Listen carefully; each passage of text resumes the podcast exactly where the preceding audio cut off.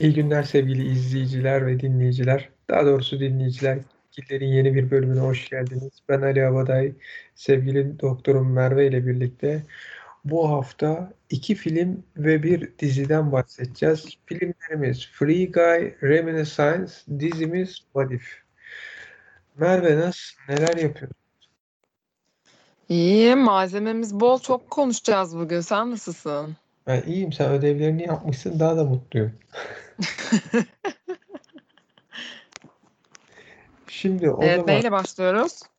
e, ilk olarak Free ile başlamak istiyorum.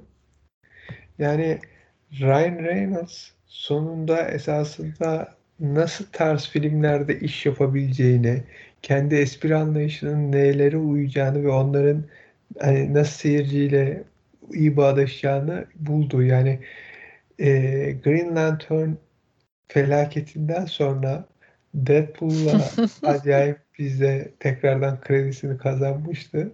Yani Free Guy'da yani hakikaten son dönemde izlediğim en iyi filmlerden biri diyebilirim. Yani o kadar kötü filmden sonra Free Guy gibi bir filmin gelmesi beni acayip mutlu etti.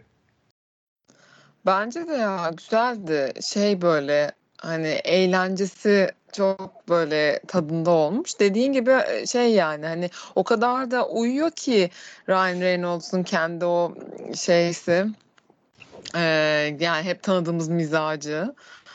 Ee, ilk başta ben hiçbir fikrim de yoktu yani film izlerken bu arada hani Yani dedi falan izle, izlememiştim. konuşacağız. Sen öyle Aa izledin biri dedi yani. izle işte adamın biri dedi ben dedim ne yapayım işte kırmayayım izleyeyim falan. Ondan sonra derken sonra hani başında yani böyle neler olduğunu e, anladıktan sonra böyle bir hmm, ilgimi çekti bakayım falan oldum böyle. Ee, şeyi hatırlattı bana onu da çok sevmiştim. Hani şey anlamında değil bu arada. Ee, hani ona benziyor falan diye değil de sadece be- aynı kulvarda belki sayılabilir. Ready Player One.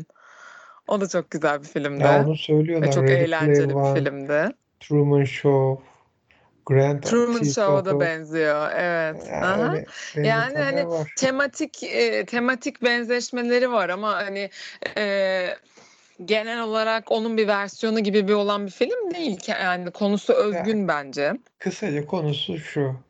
Ee, Guy diye bir karakter var. Bu Free City oyunun içinde e, oynanamayan arka plandaki karakterlerden biri. Onlar da zaten NPC işte non-player karakter olarak geçiyor.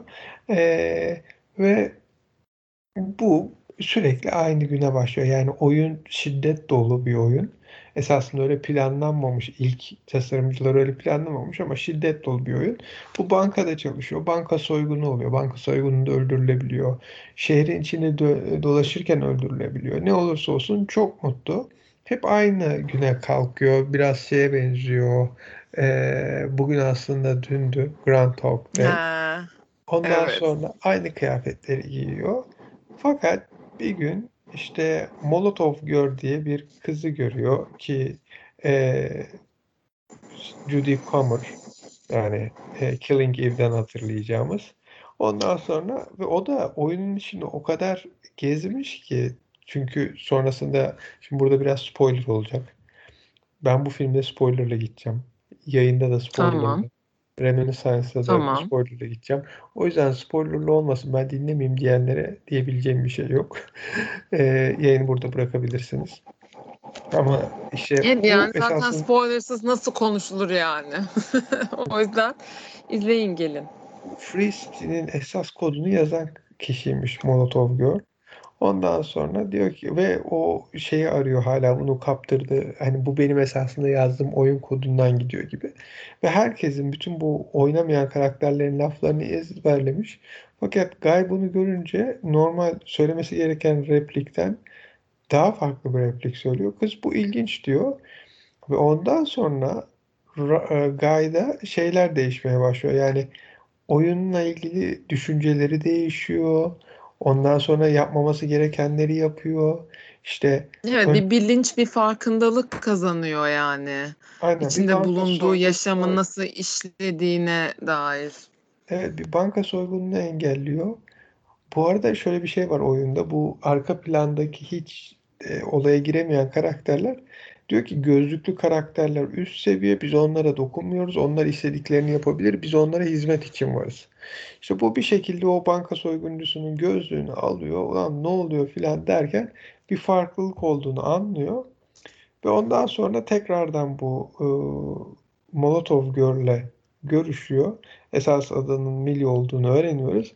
Ve o, ne oluyor ne bitiyor filan diyor. O da bu oyuna yeni girmiş biri zannediyor. Hiç düşünmüyor böyle bir durum olabileceğini. Diyor ki sen önce 100. seviyeye ulaş gel ama bu hani iyilikle yapmak çok zor. Fakat bu bunu bir misyon görüyor. Aşık sonuçta aşk her şeyi yaptırır. Ve mavi gömlekli adam e, olarak böyle bir anda herkesin şey tamamen iyilikle insanlara iyilik yaparak hiç şiddet uygulamayarak böyle bayağı bir yükseliyor sette. Nam salıyor evet. Yani herkes şey diyor ya bundan sonra işte hani iyilikle gidiyor bu öldürmeyeceğiz falan. Ve sonrasında esas filmin hikayesi şuymuş. Bu işte Molotov Girl denen Millie ile ondan sonra bunun üniversite yıllarından çok yakın arkadaşı Walter McKee ki onda Joe Carey oynuyor. Onda Stranger Things'ten hatırlıyoruz. Ee, bir kod yazıyorlar. İlginç bir oyun ve bunu e, bu filmde acayip kötü bir oyunculuk sergileyen Ay gerçekten. Waititi'nin e, Ant Antoine karakterine satmışlar. Hı hı. O da değiştirmiş filan. Farklı bir oyun haline getirmiş. Bunların esas oyununu mahvetmiş. Neyse sonuç işte bu iki, e, şey e, Walter Guy'ın da yardımıyla aslında kaybettiklerini geri alıyor bu iki yazılımcı arkadaş. Gibi. Değil mi? Yani, yani. işte Walter Antoine'ın yanında öyle. çalışıyor. Millie hala uğraşıyor. Ve bu sırada oyunun içinde biz şunu görüyoruz. Guy işte Millie'ye aşık oluyor. Millie bir şekilde Guy'a aşık oluyor. Ve uzun uzun uğraşlar. Ama mesela filmin en en beğendiğin yeri neresi dersen tabii ki o Rhinos'un farklı bir karakter olarak karşımıza çıktığı Dude. Orada da vücutçu o, e, Aaron Red onun vücut oradaymış suratı Ryan Reynolds'ın bindirmişler. Onunla dövüşürken Star Wars ve Avengers atıfları. Komik de orası hakikaten. Yani Disney yaptığı Eğlenceli. için yapımcıları yapımcısı Disney olduğu için hani hakları da vermiş. Hani bu kullanabilirsin diye. Ama çok iyiydi o sahneler. Güzeldi bence de. Ne Ne varsa kullandı yani.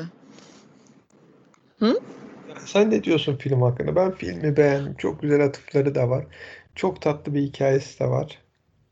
Bence de çok çok tontiş bir filmdi yani öyle diyeceğim direkt. Ee, çok da eğlenceliydi yani keyifliydi. Ee, benim de senin demin dediğin gibi en böyle yani filmde böyle ıh, tam bir cringe show diyeceğim şey Taika Waititi'nin korkunç karakteri ve oyunculuğuydu. Çok kötüydü. Aşırı ka- e, karikatürizeydi. Hani tamam zaten hani şey e, realitede olmadı, olmayan da bir öykümüz var ama yani gerçekten çok kötüydü. İzleyenler anlayacaktır zaten. Filme dair göze çarpan kötü şey o yani aslında. Eee, bence şeyi çok güzel bir araya getirmişler. İşte hem, eee, bu, işte, oyunun yaratıcılarının hikâyesi, bir taraftan Guy'ın, eee, ilk kendi kendine öğrenen, eee, artificial intelligence olması, onun da, işte, kendi düşünceleri olması falan hepsi böyle, eee, güzel güzel anlatılmış yani. Güzel, emm, bağlanmış birbirine. Bak şimdi Çok senin fark etmediğin. Ryan Reynolds'ın YouTube kanalında öğrendim bir, bir olay. Hıı. Hani bir takım elbiseli elinde çantayla yürüyen bir abi var. African American. Siyahi. Hımm, hatırlayamadım tam. Ee? Bu arkadaş film boyunca arka planda. Yani işte mesela e, ya biz onu hiç ana şeyde görmüyoruz. Tamamen arkada sürekli yürüyor. Bu adamı almış. İşte o diyor ki bu adam gerçek hayatta kim? Hani normalde filmde çünkü biz arkada hiçbir zaman oyunda fark etmediğimiz karakterlerden biri Evet. üzerinde ya bu da diyor ki filmde hiç fark etmediğiniz arkadaki karakterlerden biri de buydu diyor. O adamla ilgili bir iki, bir dakikalık mı iki dakikalık mı video çekmişler. O diyor ki ben işte sinema dünyasına girmek istiyorum. İşte bu iyi bir şey. Bu sayede kazandığım parayla başka şeylere yardım edip işte bir başka film çekebiliyorum. Şu bu.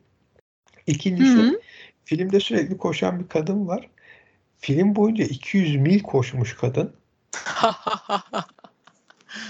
Onu da İyiymiş. getirmiş işte ve ikisinin sahneleri hani bak işte bu sahnedeki o, bu sahnedeki de o, işte bu sahnedeki şu kadın, bu kadın da aynı kadın ve ikisinin gerçek hayatta kim olduklarını da göstermiş. Çok tatlıydı o da ya. Yani filmin şeyi açısından, reklamı açısından bence muhteşemdi. Evet, akıllıcaymış.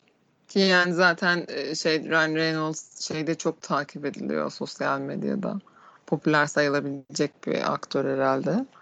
E, tabii canım bir de film başlamadan verilen videolardan birinde bunlar hani bu adam zaten eski filmlerin özellikle de Green Lantern'e hani geçirmeye Hep bayılıyor çakar, ya. evet. Şimdi bunlar Ryan Reynolds, Taika Waititi, Judy Comer, ondan sonra Joe Keery oturuyorlar böyle dördü. İşte siz bizim diyorlar bu e, Ryan Reynolds'a Taika Waititi ilk çalışmamız falan. Diğer ikisi diyor ki ya olur mu? Biz sizi biliyoruz. Siz şeyde birlikteydiniz. E, Green Lantern'da. Ve bakıyorlar. E şey, şey diyorlar sen Green Lantern'dün. Bu da senin en yakın arkadaşındı falan. Ve bunlar konuşurken kamera bu ikisine yakınlaşıyor Judy ile Joe'ya. Sonra bir çekiliyor. Bu ikisi terk etmiş şeyi salonu. Evet yani bin yıldır o muhabbet var hakikaten. Green Lantern olayı. benim diyeceğim izlenebilecek bir film. Hatta izleyin çok da keyif alır. Evet. Ve YouTube'dan da bunun videolarına bakın. Ekstra videoları da hani e, şey videoları fragman değil. Hani böyle hakikaten filmle ilgili konmuş videoları da çok tatlı. Ya ne güzel. Şey yani kesinlikle böyle e, eğlenceli bir film. Yani hani açık konuşmak gerekirse bu aralar izlediğim filmlerin çoğunda telefonumla oynuyorum bir taraftan. Yani hani gerçekten seni böyle şey yapmıyor. Ee, çekmiyor hani böyle. Haha, aynen.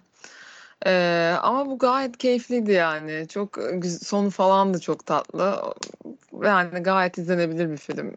Şu yakın zamanda zaten cidden keyif aldığım az oldu. Bu da onlardan biri. Peki şimdi buradan Ryan Reynolds'ın gerçek hayattaki kankalarından biri olan Hugh Jackman'ın yeni filmi Reminiscence'e geçiyoruz. Aynı dönemde ikisi de e, gösterime girdi. Fakat yani Free Guy ne kadar iyiyse ben Reminiscence'dan Ay, o kadar uzağım. Reminiscence tam bir şey. Ee, böyle depresyonlu e, bir aşk hikayesi ama sci-fi bir şeyin içine yapalım demişler. Ondan sonra işte böyle birkaç eski filmden de esinlenerek ay saçma sapan bir şey. Ay ne güzel gömdüm be. Aa bir iyi geldi. Çok kötüydü be. Yani Hugh Jackman abi ne yaptın ya? Üf. Bu arada şey e, başroldeki e, şey cazibe e, dolu ablamız. Dune'daki hmm, Dune'daki e, Lady Jessica'yı oynayacak olan hanım galiba değil mi? Evet, o aynı zamanda Mission Impossible'dan da tanıyoruz kendisini. Evet yani tanıyoruz da hani Jessica'yı oynayacak olması da benim için ayrıca önemli. Kendisinin Ee, İsveçli olduğunu da belirtelim. Ha, gerçi aşikarmış da bir taraftan. Ee, yani çok bayık bir filmdi ya. Direkt böyle açılış yapıyorum ve topu sana atıyorum. Ya bir kere e, ben bunu hep science olarak görüyorum. Reminiscence, reminiscence, reminiscence esasında. Hı Ya hı. filmin olayı şu. Yakın gelecekte e, iklim krizi nedeniyle artık buzullar erimiş, su seviyesi bayağı yükselmiş ve savaşlar da olmuş. İşte e, okyanus kıyısına ya da belli kıyısı o şehirler su altında kalmaya başlıyor. Dev setler çekiliyor ve bir yeni e, bir alet var. İşte bu savaşlar sırasında ordunun ürettiği ve sonrasında e, insanların da artık kullandığı normalde sorgu için ilk kullanılmış. Geçmişe dönüyorsun anılarına ve anılarını tekrar yaşıyorsun. Fakat farkı şu, sen o anıları yaşarken hani görüntü olarak kafanda zihninde değil, bütün hisleri birden yaşıyorsun. Yani sana dokunuşları, karşı tarafın dokunduğundaki hissini yaşıyorsun. İşte sen dokun, nasıl dokunduğunu, ne hissettiğin o anlar, o duygular her şeyi tekrar aklına gelebiliyor. Aklına Fringe geldi mi onu izlerken? O sahneleri. Ya, Fringe geldi. Ondan sonra Blade Runner geldi ama en çok Chinatown geldi. Ondan sonra neyse e, bir tane işte Nick adında bir abimiz var. Bu makineyi kullanmayı bilen ve orada sesiyle müşterileri yönlendiren biri. Tabii ki bu Nick abimizi Hugh Jackman oynuyor. Ondan sonra onun bir yardımcısı var Watts denen esas adı Emily. Tandy Newton. Onu da şeyden biliyoruz. Senin meşhur HBO favori dizin Westworld. Westworld'dan ki onunla ilgili de bir şey söyleyeceğim ileride. Evet. Ondan sonra bu ikisi çalışırken bir gün hani artık bu biraz da crime noir hani böyle bir kara polisiye tarzı da var. Evet, abla, öyle bir stili var doğru. Evet, bir ablamız giriyor. May, Rebecca Ferguson. İşte anahtarlarımı kaybettim.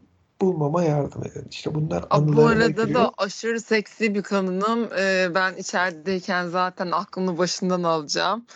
Kafayı çıldıracaksın. ya başka bir şey diyeceğim. Kadının sahneye ilk çıktı. Hani bu ilk sahnedeki halini anılarından dinliyor ya Nick. Hı hı. Kıyafet bildiğin Jessica Rabbit ya. Roger Rabbit'ten Aynı şeyi Jessica düşündüm. Rabbit. Ay amin. Teşekkürler. Aynen. Kesinlikle ondan esinlenildiğini düşünmüştüm ben. Kesinlikle Jessica Rabbit'e benziyor. Zaten yani hani şarkıcılık yapıyor. Saçlar kızıl. Böyle sürekli işte e, sırtı göğsü dekolteli uzun Ama şeyler. Jessica Rabbit kıyafeti ya. Her şey o, a, aynen. Ilk, kesinlikle ilk kıyafeti kesinlikle öyleydi ve te, bir taraftan da tabii şey geliyor izlerken. Hani sen de düşünmüşsündür. Ee, bu May abla geliyor. Ay anahtarlarımı düşürdüm diyor ama bir taraftan da böyle yani oradaki adamı kafalamak için e, Nick'i kafalamak için elinden geleni yapıyor. Sanki böyle çalışılmış gibi ya da acayip e, kendine ait bir e, işte böyle sanki e, erkek haremi yaratmış bir kadın gibi yani bu konuda aşırı tecrübeli biri gibi ya da hani öyle bir garip bir şey veriyor diyorsun ki yani bu kadında bir şey var. Hani anlamamak için biraz geri zekalı olmak lazım. Hani ama bir şey evet ama şimdi bu filmlerdeki en büyük hatalardan birinde yapmışlar daha başında. Hı. O da şu e, Angela Sarafyan'a Elsa karakteri. Şimdi sen zaten Westworld'den birini yardımcı yani Evet. O yardımcı da kadın Westworld'dan. yardımcı kadın olarak koyuyorsan olayın kilit noktasındaki kadını aynı diziden almaz almazsın yani alma. Ya da hadi tuttun alacaksın. Yani Hı hı. daha az bilinen birini al. Yani o dizinin bilinen iki karakterini alırsan o filmin başında gösterdiğin kadından bir halt çıkacağını otomatik düşünüyorsun. Anlıyorsun Ondan kesinlikle. Doğru. Ne kadar ilerlerse ilerlesin sen diyorsun ki ya bu öbür kadın bir halttan buraya bağlı. O yüzden evet, bunu boşuna bir görmedik tabii. Onu bir şekilde biz nereye bağlarız? Kafa bu sefer ona çalışıyor. İşte ben bu ne, neden önemli? Bununla ilgili ne olmuş olabilir gibi. Yani filmin sana göstermek istediği seni başka bir yola çekmek istediğinde gitmiyorsun. Niye? Çünkü elinde böyle büyük bir ipucu var. Oradan devam ediyorsun. Hani Aynen. Hani Jonathan Nolan yapımcılardan biri. Tamam hani onun tanıdıklarını falan almışlar Aa, belki ama. öyle mi? Bilmiyordum. Hmm. yapımcılardan biri Jonathan Nolan. Ondan sonra e, ve şey e, zaten senarist ve yönetmen de e, Westworld'un senaristi, yönetmenliği, yönetici yapımcısı, e, yardımcı yaratıcısı olan ablamız Lisa Joy. Yani bunlar bir esasında evet, şeyden evet. beri birlikteler. E, Westworld'den bir ekipsin. Ama yani Aa bu arada her şeyden önce Lisa Joy benim bildiğim e, şeyin eşi. Jonathan Nolan'ın. Büyük ihtimal. Evet evet evet Cansu'nda iş evet. Yani tamam ama ne yaparsanız yapın Angela Sarafyan'ı almayacaksın. Yani orada Bence Elsa de. karakteri. Çünkü Elsa'nın toplamda iki sahnesi var. Yani biri anılarına bakarken ikincisi olayın bağlantısıyla ilgili bir nokta. Toplamda da 10 tane repliği yok. Yani öyle bir rol Evet bir için de bir de şey hani böyle nasıl söyleyeyim kalantor bir dayıyla beraber olduğunu görüyoruz. Şimdi o bir o dayıdan zaten bir şey çıkma ihtimali çok yüksek diye düşünüyorsun bir taraftan da yani. Yani nereye gideceğini de biliyor. Hani işin nereye gideceğini, ne olacağını biliyorsun. Sana vermek istedikleri eee, hiçbir şekilde işe yaramıyor. Seni başka bir tarafa almıyor. Ondan sonra e, peki ne olacak işte ben e, oradan nereye gideceğini anlıyorsun. İşte ne oluyor? E, Nick Mia'ya aşık oluyor. Kadın bir anda kayboluyor. Ve bu arada biraz da hani filmin içinde şey yapalım demişler.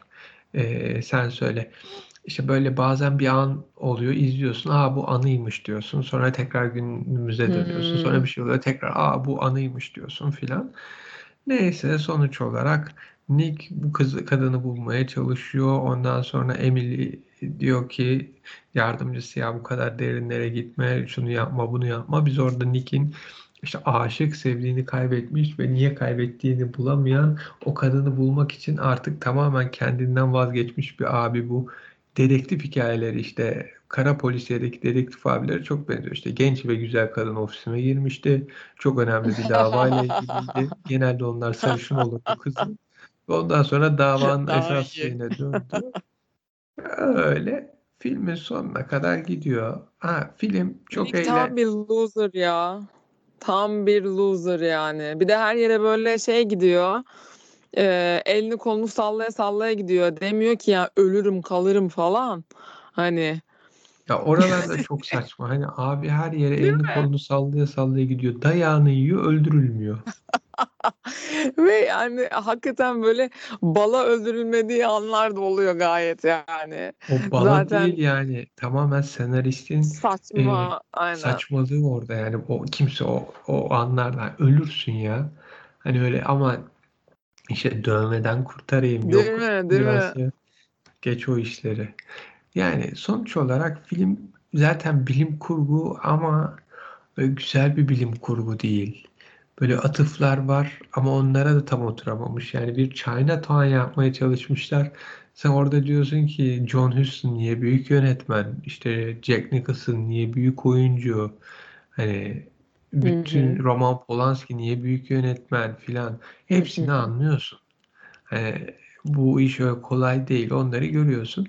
Ha işte oyuncu kadrosu, işte geleceğe dönük bir işte şey hikayesi, iklim krizi sonrası şöyle şeyler olur filan gibi bilim kurgusal bazı eklemeler de var. Ama yok yani bu film oturulup böyle sinemada izlenecek ya da işte şey yapılacak bir film değil. Hani e, internette izleyeceksen izle. HBO Max vermeye başladı zaten ama öbür türlü sinemaya gitmeye değmez. Yok Hani be değmez. seni farklı bir noktaya da taşıyamıyor. Maalesef böyle çok da beğenmediğim bir film. Evet ya benim şimdi bilmiyordum da yapımcıları. Şu anda bayağı hayal kırıklığı oldu. Çünkü ben hani Westworld böyle kutsallarımdan biridir yani. O yüzden eee, hayret bir şey yani onu öyle güzel yapıp da burada bu kadar batırılmış olması aşırı bayık bir, bir, bir film. Bir de hani onu geç hani Nick'i anlamıyorsun. Motivasyonunu da anlamıyorsun. Diyorsun ki yani bu bizim karakterimiz biraz mal böyle e, loser bir tip. Ondan sonra işte aptal aptal şeyler yapıyor falan filan. Hani o yüzden bu kadınla arasındaki bağmış, işte e, aşkıymış falan hani bizim ona hi- e, hikayede hak vermemiz gerekiyor ya. Onun başına gelenleri görmek istememiz için. Yani ya da en azından e, enteresan bulmamız gerekiyor. Ne e, hak veriyoruz ne de enteresan buluyoruz izlerken yani. Ee, bunun dışında şey söyleyecektim sana. Senin e, bu e, şeyle ilgili Elsa karakteriyle ilgili söylediğin doğru. Bence de aynı diziden iki kişiyi çekmeleri e, iyi bir fikir değildi. Bir kere zaten çok gözüne çarpıyor özellikle benim gibi hani izliyorduysan. Ee, bir de şey enteresan olmuş.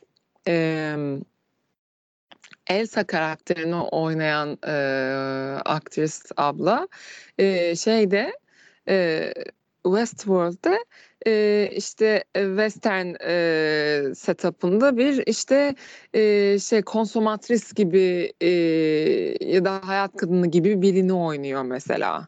Orada da onu işte e, böyle daha hani cüretkar sahnelerde falan görüyoruz. Maeve yani Maeve karakterini Tandy Van Newton oynuyordu işte şeyde e, Westworld'de. Burada mesela ana karakterin adı May.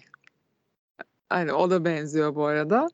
Neyse e, Tandy Van Newton'un karakteri de e, Westworld'de e, kızını korumaya çalışıyordu. Ya yani hatta yani benzerlikler o kadar, o kadar paralel var ki. ki. Evet. Çok paralel. Hatta yani güldüm sen kızını ara bilmem ne falan diyor yani hani kızından kaçıyorsun git kızını bul falan filan. Yani öteki tarafta da kızını korumak için her şeyini veriyordu falan filan. Yani e, uzun lafın kısası bence e, Reminiscence'ı izleyeceğinize gidin e, Westworld'u izleyin. Hem müzikleri çok güzel hem işte e, sinematografik olarak çok güzel hem her şeyden önce şey var.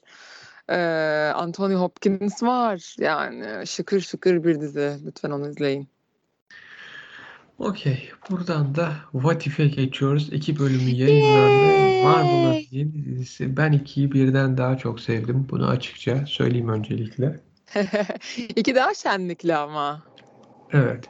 E, What If'te işte Gözcü Watcher'ın anlattığı bizim gördüğümüz dışındaki işte Multiverse'te böyle farklı kararların, farklı anlık şeylerin yarattığı e, ve sonrasında değişen olaylar var. İşte birincisinde e, Peggy Carter serumu alsaydı, e, Kaptan Carter olsaydı ne olurdu hı hı. diye gidiyor. İkincisinde de e, Star-Lord olaraktan e, Black Panther'ı kaçırsalardı ne olurdu? Olay nereye gidiyordu? Hı hı. Bu ikisi üzerinden durmuşlar.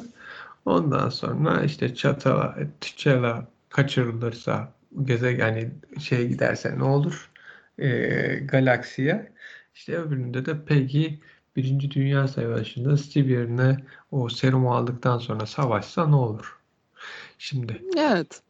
Bir biraz daha e, birdeki hikayemiz neydi? Bir de işte bu olursa işte Peggy Carter yine Steve gibi çalış, e, çalışıyor işte Nazileri ve Hydra'yı yenmek için.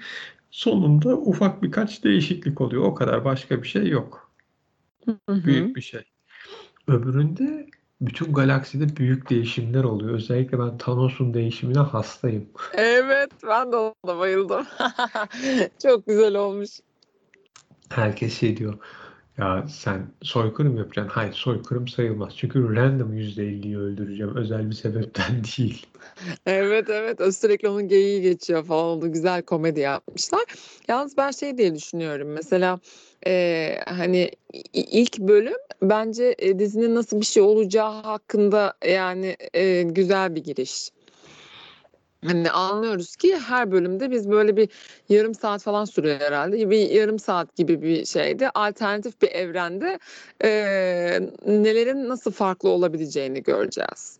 Mesela hani birinci bölümdeki biraz ım, şey hani basit bir şekilde bunu bunun girizgahını yapmışlar gibi e, geldi bana. Ama ikincisi çok şenlikliydi ve çok güzeldi gerçekten ya. Ya ben genel olarak konsepti de beğendim. Güzel yani bu tamamen eğlencelik bir şey zaten. Hani şu şöyle olsaydı ne olurdu, bu böyle olsaydı ne olurdu gayet böyle eğlenceli. Çizgi olması da tabii daha güzel yapıyor bence bunu. Ee, çok keyifli olmuş yani. Ben benim gibi çizgi film izlemeyi de sevenler için ayrıca güzel. Ya e, şey de iyi. Bunu öncelikle şunu söyleyelim. Orijinalinde yani birkaç karakter hariç kim e, rolü oynadıysa böyle Evet, bir o animasyon olduğu için seslendiriyor o mi? seslendiriyor. Yani işte Robert Downey Jr. yok. Ondan sonra e, Steve Rogers oynayan Chris Evans yok. Ha onu şey diyorlar hani bunlar rolleri artık bıraktı. O yüzden Evet. bunlar hani şeyde yok. E, seslendirmelerde yok. Ama diğer her karakter e, yani Benicio del Toro'ya kadar. Evet, evet vardı. Hı hı. Josh Brolin falan herkes var. Evet ve işte yakın zamanda kaybettiğimiz Chadwick Boseman. Onun da, da tabii hani ve şey olmuş ya e, seslendirdikten birkaç hafta sonra vefat etmiş. Ya zaten sonunda da böyle şey hani onun hatırasına falan diye yazmışlar ona adadık böyle. bu bölümü ona adadık. Evet, evet, evet çok güzel olmuş. Ya ben yalnız ikinin sonu şey yani eğer hani e, bütün galaksi çok iyi bir yer oluyor. Niye işte çıtala kaçırılıyor ve e, işte dünyada işte şeyde yani e, galakside iyiliği savuna savuna hani o kadar iyi bir karakter ve hep her şey iyilik olsun diyor ki her şey Thanos'un bile görüşlerini değiştiriyor. Fakat böyle evet. giderse yani dünya kesin yok olacak. Niye? Çünkü Guardians of the Galaxy'nin ikinci bölümündeki e, Kurt Russell şeklinde gördüğümüz gezegen e, şey oğlunu bulacak. Çünkü oğlu Guardians of the Galaxy'de yok. Star-Lord olamamış ve bütün galaksinin sonunu getirecek.